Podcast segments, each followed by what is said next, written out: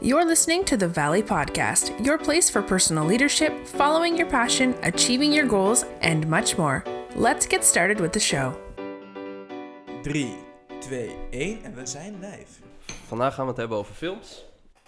Welke film is voor jou de nummer 1? Nummer 1. Oeh, dan vraag je me echt iets. Hmm, als ik moest kiezen, denk ik eh Forrest Gump. Oké. Hoezo? Forrest Gump is eigenlijk gaat over een man die eigenlijk met heel positief, positief kijk op de wereld veel bereikt. In principe. Ook al wat hij krijgt, hij blijft dezelfde persoon in principe. En waarschijnlijk als andere mensen het bekijken, hebben ze waarschijnlijk andere ideeën ook bij. Maar dat maakt de film voor mij echt nummer 1. Prachtige film trouwens. Ik ben eh, Michael. Ehm, eh, zal ik mezelf verder introduceren? Ja, vertel me wat over jezelf. Nou, ik ben Michael, 29 jaar oud, woonachtig in Amsterdam. Eh, een enorme filmliefhebber. Dus eh, ik ben blij om hier te zijn en met jullie te spreken over films. Ja, want we hebben jou uitgenodigd. Zeker vanwege jouw achtergrond. Hoe je begonnen bent op de HAVO. En uiteindelijk steeds meer richting de kant van je passie films opgegaan bent. En je hebt gewoon ontzettend leuke ja, feitjes, kijken op het leven. Zeker op het gebied van films. Nou, dankjewel. Goed om te horen. Eh Forrest Gump, gewel- geweldige film. Ik kan hem alleen maar bij aansluiten. Mooie film. Wat was, wat was jouw gevoel erbij? Nou, eh, eh, mijn gevoel, ik, ik vond het gewoon prachtig. Goed gefilmd, verhaal ontzettend mooi. Ehm, en ik kan ook gelijk eerlijk bekennen, ik, ik heb een keer gehuild tijdens het kijken van Forrest Gump. En dat was de derde keer dat ik Forrest Gump zag. Ehm, want ik, op een gegeven moment ging ik letten op het veertje wat ehm, eh, steeds bij iedere belangrijke scène in beeld kwam. Ik weet niet of jij dat veertje, een wit veertje herkent. Je, je ziet het heel duidelijk in de, in de openingsscène. Ehm, dan ehm, zit hij naast een mevrouw en dan ehm, zegt hij wat. Op een gegeven moment heb je dat deuntje en dan eh, zie je zo'n wit veertje vliegen door de lucht. En dan gaat het eigenlijk over naar, naar een andere scène, naar een flashback. Eh, als je, zeg maar, ik, heb dan die film vaker gezien. Op een gegeven moment viel het me op dat dat veertje steeds eh, te zien was op ieder belangrijk moment uit zijn leven. En eh, op een gegeven moment eindigde de film met dat veertje weer in de lucht en met dat deuntje. En toen dat brak ik even. Ik dacht van wow, dit is echt zo mooi. Zo goed gedaan. Ken je Perry? De film of het veertje? De film. Ja, de film ken ik, maar het veertje... veertje. Let, let even goed op het veertje. Ja. Een wit veertje. Had je verwacht dat ik niet Forrest Gump zou kennen? Mm, weet niet, weet niet, weet niet. Wat, wat, wat kijk jij meestal? Ik ben niet zo'n filmkijker als ik eerlijk ben. Ik weet eigenlijk ook niet hoe het komt, want als ik hoor Netflix kijken of op Videoland, eh, kijk ik alleen maar series of documentaires. Ik scroll eigenlijk meteen door de films heen. Waar ligt het aan? Ja, dat is een hele goede vraag die je stelt. Want ik betrap mij er zelf om. Je hebt bijvoorbeeld op Veronica heb je ook bijvoorbeeld eh filmmaand met allemaal bepaalde genres. Kijk ik ook niet. En Vaak blockbusterfilms. Ehm, is het misschien omdat eh, films niet de thema's behandelen waar jij eh, geïnteresseerd in bent? Misschien ben je meer geïnteresseerd in eh, maatschappelijke dilemma's en eh, real-life issues. eh, en dat fantasie voor jou misschien niet heel boeiend is. Dat je, dat je eerder kijkt naar een docu over maatschappelijke problemen dan een fantasiefilm over fantasieproblemen. ja, dat sowieso. Want ik zat vorige week nog te kijken om naar de bioscoop te gaan. Ja, toen was eigenlijk alleen Queen de optie om heen te gaan. Ja, wat, wat eh, gebaseerd is op natuurlijk eh, het leven van de band Queen. Dus een, een soort van echte eh, biografie.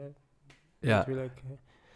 Ehm, interessant, want zeg maar voor mij is film juist een uitweg. Ik vind dat fantasiegehalte juist leuk, omdat ik tijdens de film eh, even uit de realiteit mag zijn. Ik mag Ik sluit me even, daar heel erg bij aan. ik mag even wegdromen. Ik mag even, ehm, ik mag even net doen of ik Spider-Man ben. Of Venom. Of een su- superheld mag zijn. Of, of, een, eh, of een bad guy. Of, ja, dat, dat is voor mij fijn. Het is meer even een, een, een twee uur dat ik even kan ontsnappen uit, uit mijn realiteit. En even kan wegdromen. Ja, ik heb zo nooit gekeken, man. Eh,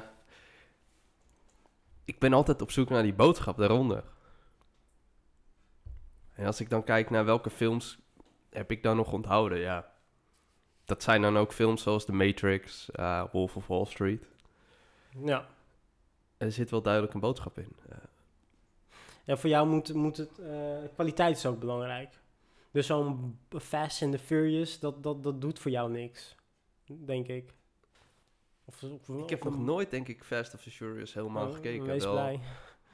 Ja? Verschrikkelijke films. Verschrikkelijke films. Het is echt, het gaat nergens over. Vertel, hoezo? Eh, nou, eh, één, het heeft geen boodschap. Ehm, eh, inhoud, het, is, het gaat alleen om snelle auto's, mooie dames en, en stoere mannen. En het, het is, verder gaat het echt helemaal nergens over.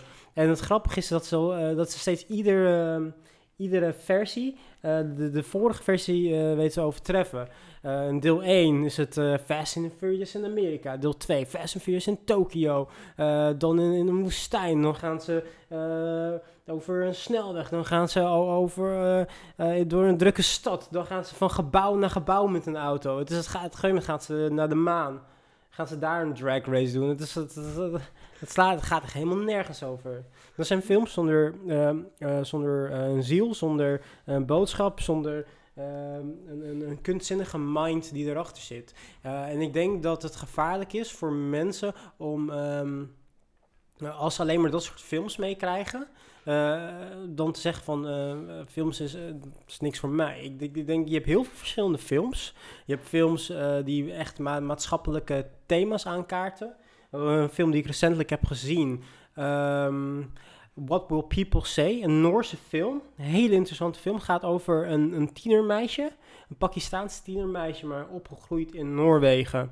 En eh, eh, net als ieder tienermeisje heeft ze bepaalde behoeftes. Dus ze wil ook een keertje met een jongen zoenen.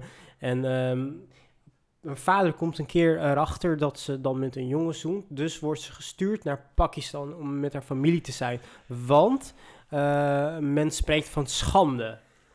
En dat is, dat, dat, zeg maar, dat is niet wilde, dat is geen wilde fantasie. Dat soort dingen gebeuren. En dat, dat is ook dat is een hele interessante thema. En ik denk, ik denk dus dat, zeg maar, dat jij dan eerder eh, dat soort films een kans moet geven. Eh, dan de Fast and the Furious films. Die je eh, uiteraard geen kans hebt gegeven. Maar eh, ik, denk, denk dat, dat, ik denk dat er genoeg films zijn voor iedereen. Dat iedereen eigenlijk wel van film kan genieten. Je moet alleen de juistheid kiezen. Ik vind het heel mooi hoe je praat over films. Dat moet ik echt eerlijk waar zeggen. Maar waar komt, die, waar komt dat vandaan? Zeg maar dat kritische en het goed omschrijven van een film moet in elkaar zitten.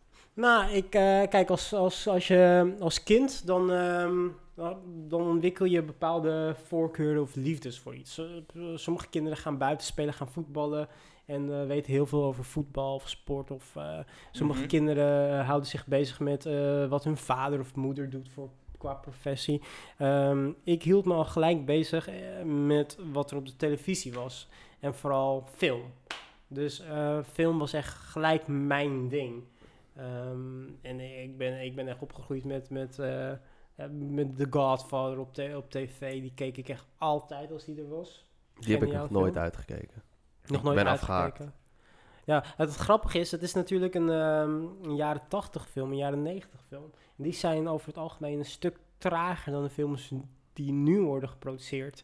Kijk, het, eh, ehm, zo'n film zo traag als The Godfather, dat kan nu niet meer. Dat, dat, we zijn er, eh, onze concentratie eh, is daar gewoon te kort voor. We moeten gewoon een snellere film hebben. Maar als je hem echt de kans geeft en je, je jezelf ertoe verplicht om hem uit te kijken, man, wat verrijkt het je leven. Ja, het gekke is, ik weet wel bepaalde scènes. Terwijl Ja. ik de film zelf helemaal niet heb uitgekeken. Ja, misschien moet ik het toch maar even de kans geven. Ja, het, het- het zijn geniale films. eh, acteren, pff, man. Maar heb je het nu over één of alle drie. meerdere? Alle drie. Alle drie de films zijn geniaal. Eh, maar vooral de performance van eh, Robert De Niro en Al Pacino zijn onvergetelijk. Ja, die van naam ken ik ze. Ja. Maar ik ben even aan het doordenken. Als ik in Nederland kijk, ik zie best wel vaak, of tenminste vroeger, zag ik best wel vaak Scarface posters. Ja. Ik heb de film gezien. Ik vond het niet zo'n hele bijzondere film. Eh, Scarface is meer cult. Qua film valt het wel mee. Het is niet een eh, bijzonder verhaal. Best wel goed geacteerd. Maar het is meer de cultstatus die eh, Tony Montana heeft. het, het is gewoon cult. Het is gewoon de ultieme bad guy. Wat Die- zegt hij ook weer? maar hij zegt heel veel dingen. dat, dat is, ja. Dat hij op een gegeven moment aan het eten is met zijn vrouw. Iets over dat hij... ehm, hij heeft een bepaalde lijn, net zoals eh, Arnold Schwarzenegger nog steeds herinnerd wordt met Hasta I'll be back. vista, eh, Of Hasta la Vista, inderdaad. ja, eh, ik weet even niet welke eh, line... eh, Iets in de trant van everybody wants someone to be the bad guy. dat- ja, ik weet wel welke, eh, maar ik kom er ook ja, je even kan niet het op. opzoeken hoor, Ja. op je mobiel als je dat wil. Dat ga ik gelijk even doen. Maar eh, ja, de, de Tony Montana, dat is gewoon, dat is gewoon cult. Soms is een film niet altijd even goed, maar is er iets cult. En dan is het bijvoorbeeld, om maar een voorbeeld te noemen... ehm Femke Louise is ook niet goed, maar ze heeft een cultstatus. Daardoor is ze interessant. Gek voorbeeld. Eh, ander voorbeeld. ehm, Andy Warhol. Zijn kunstwerken waren heel interessant. Dus kijken op, op de consumptiemaatschappij ook. Maar het is, het is, op een gegeven moment is het ook gewoon cult, weet je. Is het gewoon... ehm, is, heeft iemand een bepaalde status in de maatschappij en daardoor is iemand interessant. En dat is Tony Montana. Tony Montana was gewoon de ultieme maffiabaas. Oké. Ja. Eh, eh, ik heb alleen maar goede dingen gehoord over de documentaire van... eh, hoe heet ze? Van Louise. Ja, ik heb het nog niet gezien, dus... Staat op het lijstje. Één quote is... eh, All I have in this world is my balls and my word. And I don't break hem them niet. for no one. Dat is, een, dat is een van de mooie lijnen. I work hard for Vind je this. dat een I mooie want lijn? you to know that. Maar laten we even teruggaan naar jou, Michael. Want Ja. ja. ja, je hebt passie voor film. Ja. Hoe heeft dat jou beïnvloed in je persoonlijk leiderschap? Ehm, nou, ik, eh, ik, ik heb Media Entertainment Management gestudeerd. Daarin heb ik me gespecialiseerd eh, door bepaalde minors te volgen en, en stages te lopen in Amerika eh, eh, op, op film. Ehm, maar daarna ben ik niet gelijk ehm, eh, werkzaam. ehm, ik ging niet gelijk in de aan de slag in de filmbranche. Ik, ik bleef nog even bij Madame Tussauds in die Amsterdam Dungeon, waar ik werkte als, gewoon als bijbaantje. Ehm, nou, wat, wat deed dat met me? Eén, het maakte me erg ongelukkig, want ik hield me eh, fulltime bezig met iets waar ik me eigenlijk eh, niet bezig mee wilde houden. Marketing en eh, toerisme is hartstikke leuk. Attractiewereld is ook hartstikke tof, maar ik, ik heb echt een enorme liefde voor film en dat is, dat is waar ik me eh, eh, mee wil gaan bezighouden. Ehm, dus persoonlijk leiderschap, op een gegeven moment moest ik gewoon een, een keuze durven te maken en dat was al mijn zekerheden die ik had bij Madame Tussauds, een vast contract, goed salaris, eh, eh, 30 vakantiedagen, ehm, een hele chille leidinggevende met werktijden waar iedereen jaloers op was. Ik kon half tien beginnen, ik mocht half zes naar huis. Maar ik werd er gewoon niet gelukkig van. Ehm, dat kwam omdat ik me dus eh, eh, bezig hield met, eh, met randzaken vanuit mijn optiek op dat moment. En eh, nu ben ik wel betrokken met, ehm, in, het, in het proces van film maken. Weliswaar animatiefilms ehm, en is weliswaar postproductie. Ehm zijn bekend met de productiefases? De pre-productie, productie en postproductie. Pre-productie is echt de ontwikkeling, het schrijven van script, het f- research doen naar eh, onderwerpen, locatie, locatie scouten bijvoorbeeld. Eh, productie, dat is het echt produceren, dus het maken van een film op set of in de studio met door ja, computers of zo. Ja, ja. En dan heb je postproductie, en dat is echt de afwerking. En ik zit nu in de postproductiefase. Dat is een stap die ik heb gemaakt. Volgende doelstelling is ehm, eh, een stapje opschuiven, productie.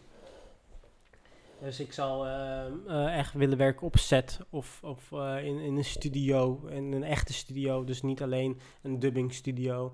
Ehm, en ik wil Wat meer... is een dubbing studio? Dat is zeg maar waar ik nu werk bij SDI. Wij, eh, wij hebben eh, allemaal studio's, maar je kan alleen maar geluid opnemen. Eh, dus ik wil werken in een studio waar je ook gewoon echt kan filmen. Heel echt productie. Want ik wil meer betrokken zijn in het creatieve proces. Is post eh, dan ook voornamelijk voice-overs? Ja, nou niet, niet alleen post kan van alles zijn. Ehm, ondertiteling, post. Ehm, eh, eh, ehm, ja, color editing, grading, color grading. ja, alle geluidlevels goed samenstellen, hè? soundmixing, post. Dat is allemaal, allemaal dingen die gebeuren als een film al gedraaid is. Eh, editing zelf natuurlijk, hè. Eh, om de film uiteindelijk af te maken. Want al- als je een film draait, dan is hij niet gelijk kant-en-klaar af om in de bioscoop geleverd te worden. Er moet nog van alles gebeuren. Oké. En eh, ik hou me bezig met een heel klein facet van postproductie. En dat is dus echt het dubben. Dus eigenlijk als een film al gemaakt is, helemaal afgewerkt. Dan vervolgens kijken wij er nog een keer naar om, om te vertalen en in te spreken in het Nederlands. Oké. Is dat in Nederland even groot als bijvoorbeeld in Duitsland? Ehm, is dat in Nederland even groot als in Duitsland? Nou, de Duitse markt is gewoon sowieso groter. En eh, Duitsers zijn, we kunnen gewoon minder goed Engels.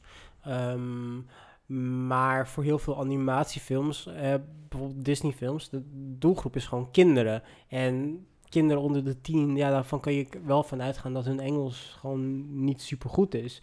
Dus in Nederland is het dubbingwereldje ook best wel groot. We hebben in Nederland drie grote studio's. En we doen heel veel projecten, heel veel Disney-projecten.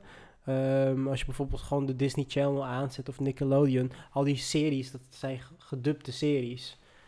Ehm, het NPO zendt heel veel eh, Scandinavische eh, series uit, ook allemaal gedubt. Zo hebben we eh, heel veel series uit verschillende landen.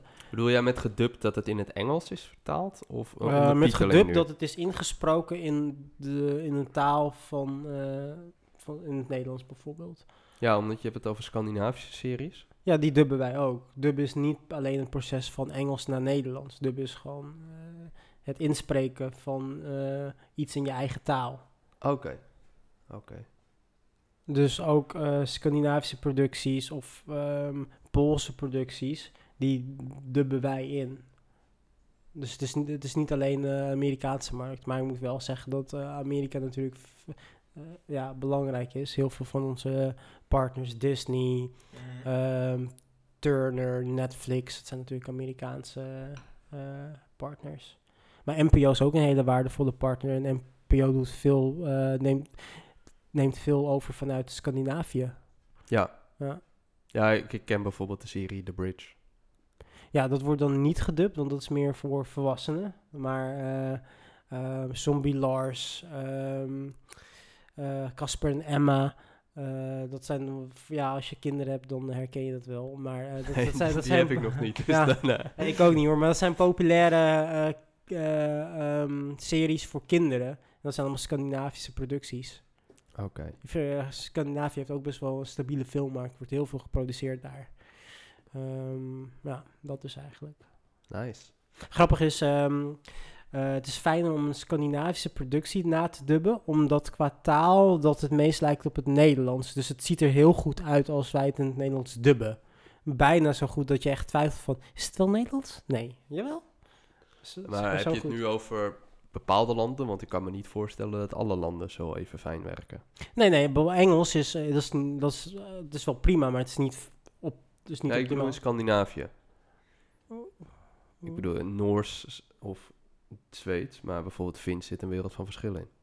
Eh, ja, het is, het is echt Noors en Deens, inderdaad. En Zweeds ook wel een beetje. Fins is, eh, dat, dat is inderdaad weer een, dat, dat, dat lijkt niet, nee. Oké. Ja, ja, ja.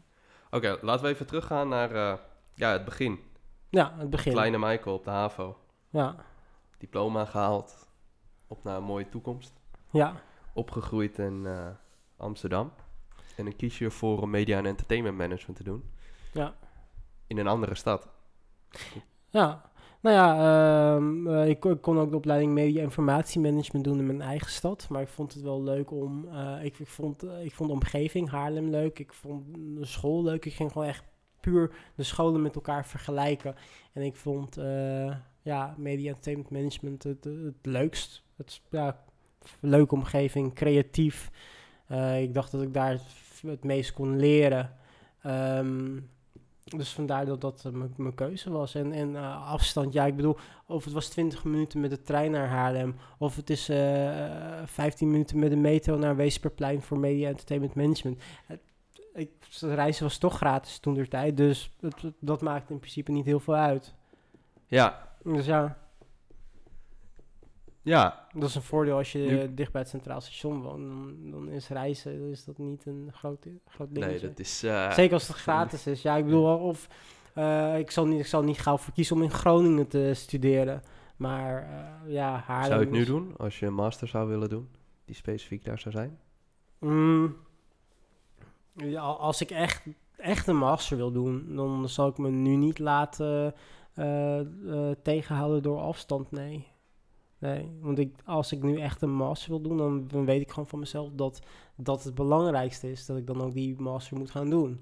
Als Ja. ik het echt wil. Dus dan, ja, weet je, dan maak ik afstand mijn, is dan niet het belangrijkst. Maar ja, ik moet wel zeggen dat ik natuurlijk niet meer gratis kan reizen. Dus het leven zal wel duurder worden. Eh, consequenties. eh, ja, consequenties, eh, oorzaak en gevolg. Ja, de reden waarom ik het vraag is omdat eh, zeker op zo'n jonge leeftijd ga je een specifieke opleiding doen. Mhm. Vanuit je passie voor films. Mhm. Terwijl eh, zoveel andere opleidingen die wat mainstreamer zijn, als ik het zo mag zeggen. Denk bijvoorbeeld aan accountancy of bijvoorbeeld bedrijfseconomie. En dan heb je toch gekozen om een bepaalde richting op te gaan, dat misschien wel zelfs onzekerder is dan andere opleidingen. Ja, ja, al moet ik zeggen dat media entertainment management ook wel mainstream is. In de zin van, eh, ehm, kijk, als je cameraman wilt worden, dat is een hele specifieke opleiding wat je daarvoor nodig hebt. Hè. Dan ga je, dat is ook een mbo-opleiding, eh, maar dat is heel specifiek. Dan ga je bijvoorbeeld naar het media college en dan kun je echt eh, je, laten trainen tot cameraman. Dan ben je zeker gegarandeerd van een baan, want ja, iedereen heeft een gespecialiseerde cameraman nodig. Ehm eh, met media entertainment management is het wat breder. Dus je specialiseert je in heel veel verschillende facetten. Dus het is ehm, eh, ja, misschien niet mainstream eh, in de zin van eh, accountancy of ICT. Maar het, het- je kan er gewoon heel veel mee doen. Dus ehm, het, het is voor mensen die niet eh 100% een keuze durven te maken, is het een hele veilige opleiding, omdat je er verschillende kanten mee op kan. Je hebt stage gelopen in Amerika, zei je? Ja, Dick Clark Productions. Dick Clark Productions is een eh, eh, productiehuis. Produceren ehm, eh, films, series, maar ook heel veel awardshows. eh waaronder de Golden Globes, de American Music Awards Show en de Country Music Awards Show. Het zijn wel leuke awardshows, hele grote evenementen zijn dat. Waar, waar? Welke staat? Ze dat produceren? Ja? Uh, nou, in Californië zit, in Los Angeles zitten ze, eh, zit het bedrijf gevestigd.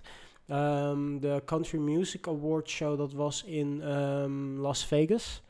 En, ehm, ik ben even de naam kwijt van de casino, maar ehm, dat was gewoon Las Vegas. En waar de Golden Globes worden gehouden, dat, is dat niet New York of eh, Chinatown?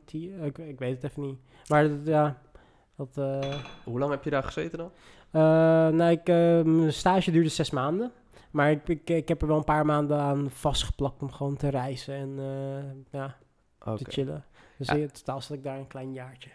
Dat is super vet, want je zou ook kunnen zeggen dat ik ga hier in de buurt een stageplek zoeken. En je kiest er voor om, ja, Super vet. Kijk, en wat een goede vriend van mij heeft gedaan, Marijn, die heeft wel stage gelopen in Nederland, in Amsterdam, bij een, een filmproductiebedrijfje, Ivan. Ehm, en hij heeft nu wel de, de nodige contacten, netwerk opgebouwd in Nederland.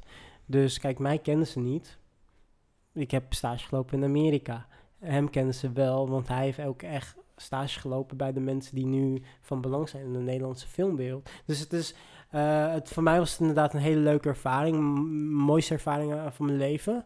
Ehm, maar, eh, zeg maar, was het wel echt de, de juiste, ideale move voor mijn carrière? Nee, dan was het misschien beter om hier te blijven en, hier stage te lopen bij een Nederlandse producent. en persoonlijk leiderschap dan. Was het dan de beste keuze? Ehm, ja, dat is een goeie, want eh, als, ik, als ik echt voor mijn carrière eh, wilde gaan, dan, dan was dat denk ik wel de beste keuze om gewoon hier te blijven en op, echt op, specifiek op zoek te, gaan naar een Nederlandse filmproducent. Maar op dat moment dacht ik, nou, het staat heel goed op je cv en het is gewoon een hele leuke ervaring. Ehm, dus ja, het is vanuit welk perspectief. Carrière-wise eh, had ik misschien beter hier in Nederland kunnen stage lopen. Eh, persoonlijk heeft het mijn leven wel echt verrijkt. Ik heb er vrienden aan overgehouden. Ik heb er een mooie tijd aan overgehouden. En ik weet nu wat, wat goed leven is. Ja. Wat vind jij? Ik vind sowieso dat je eigenlijk moet kiezen van wat je hart zegt eigenlijk. Ja. En altijd goed, terug, altijd goed om terug te kijken van wat zou een betere stap kunnen zijn. Ik vind het wel een leuk idee om, eh, om het luchtig af te sluiten. Ook gezien de tijd. Om het Dan, even eh, af te ronden. Let's go. Ja. Je had een aantal stellingen volgens mij. ja, nou, we zijn nu in de diepte gegaan met je.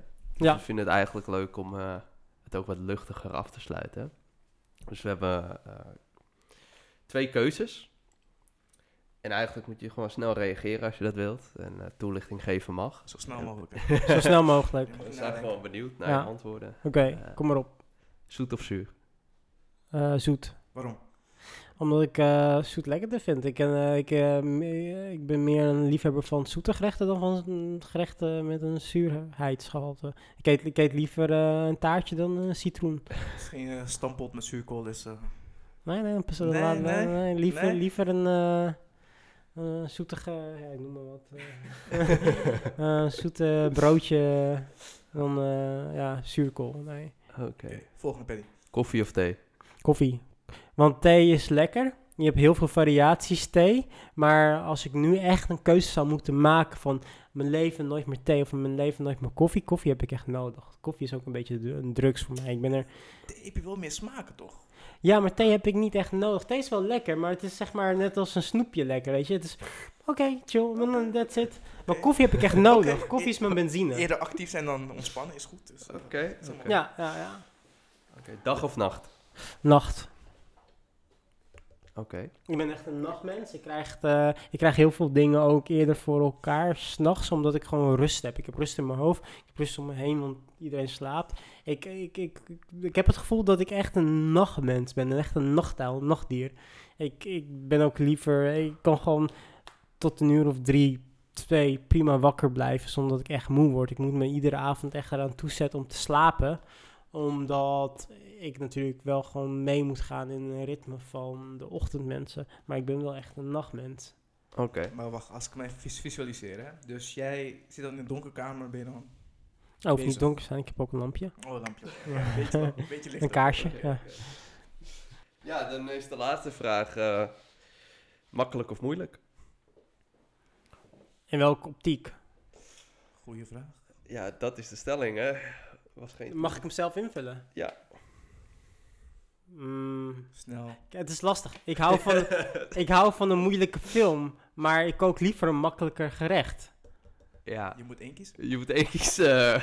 Eh, dan eh, moeilijk, want ik, eh, ik denk dat eh, als je do- door een moeilijk proces gaat, dat je daar uiteindelijk veel meer aan hebt, veel meer van leert, dan dat je door een makkelijk proces gaat en misschien ergens komt, zonder dat je de daadwerkelijke skills eh, uiteindelijk hebt om, om dat te doen wat je moet doen. Dat is een mooi einde. Michael Hoofddorp, dames en heren. Een daverend applaus.